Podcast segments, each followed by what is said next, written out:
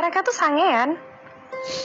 Dan nafsu itu adalah hal yang sangat wajar adalah anugerah dari Tuhan gitu loh dikasih nafsu. So what's the problem? Mereka mau sama lo ngewe dan mereka enjoy it. And do you enjoy it? Kalau lo enjoy ya what's the problem? If you don't enjoy it if you're not ready to give your virginity then give it ya udah nggak usah ngasih. Jadi lo jangan mau dibilang lo nggak berharga hanya karena lo nggak perawan.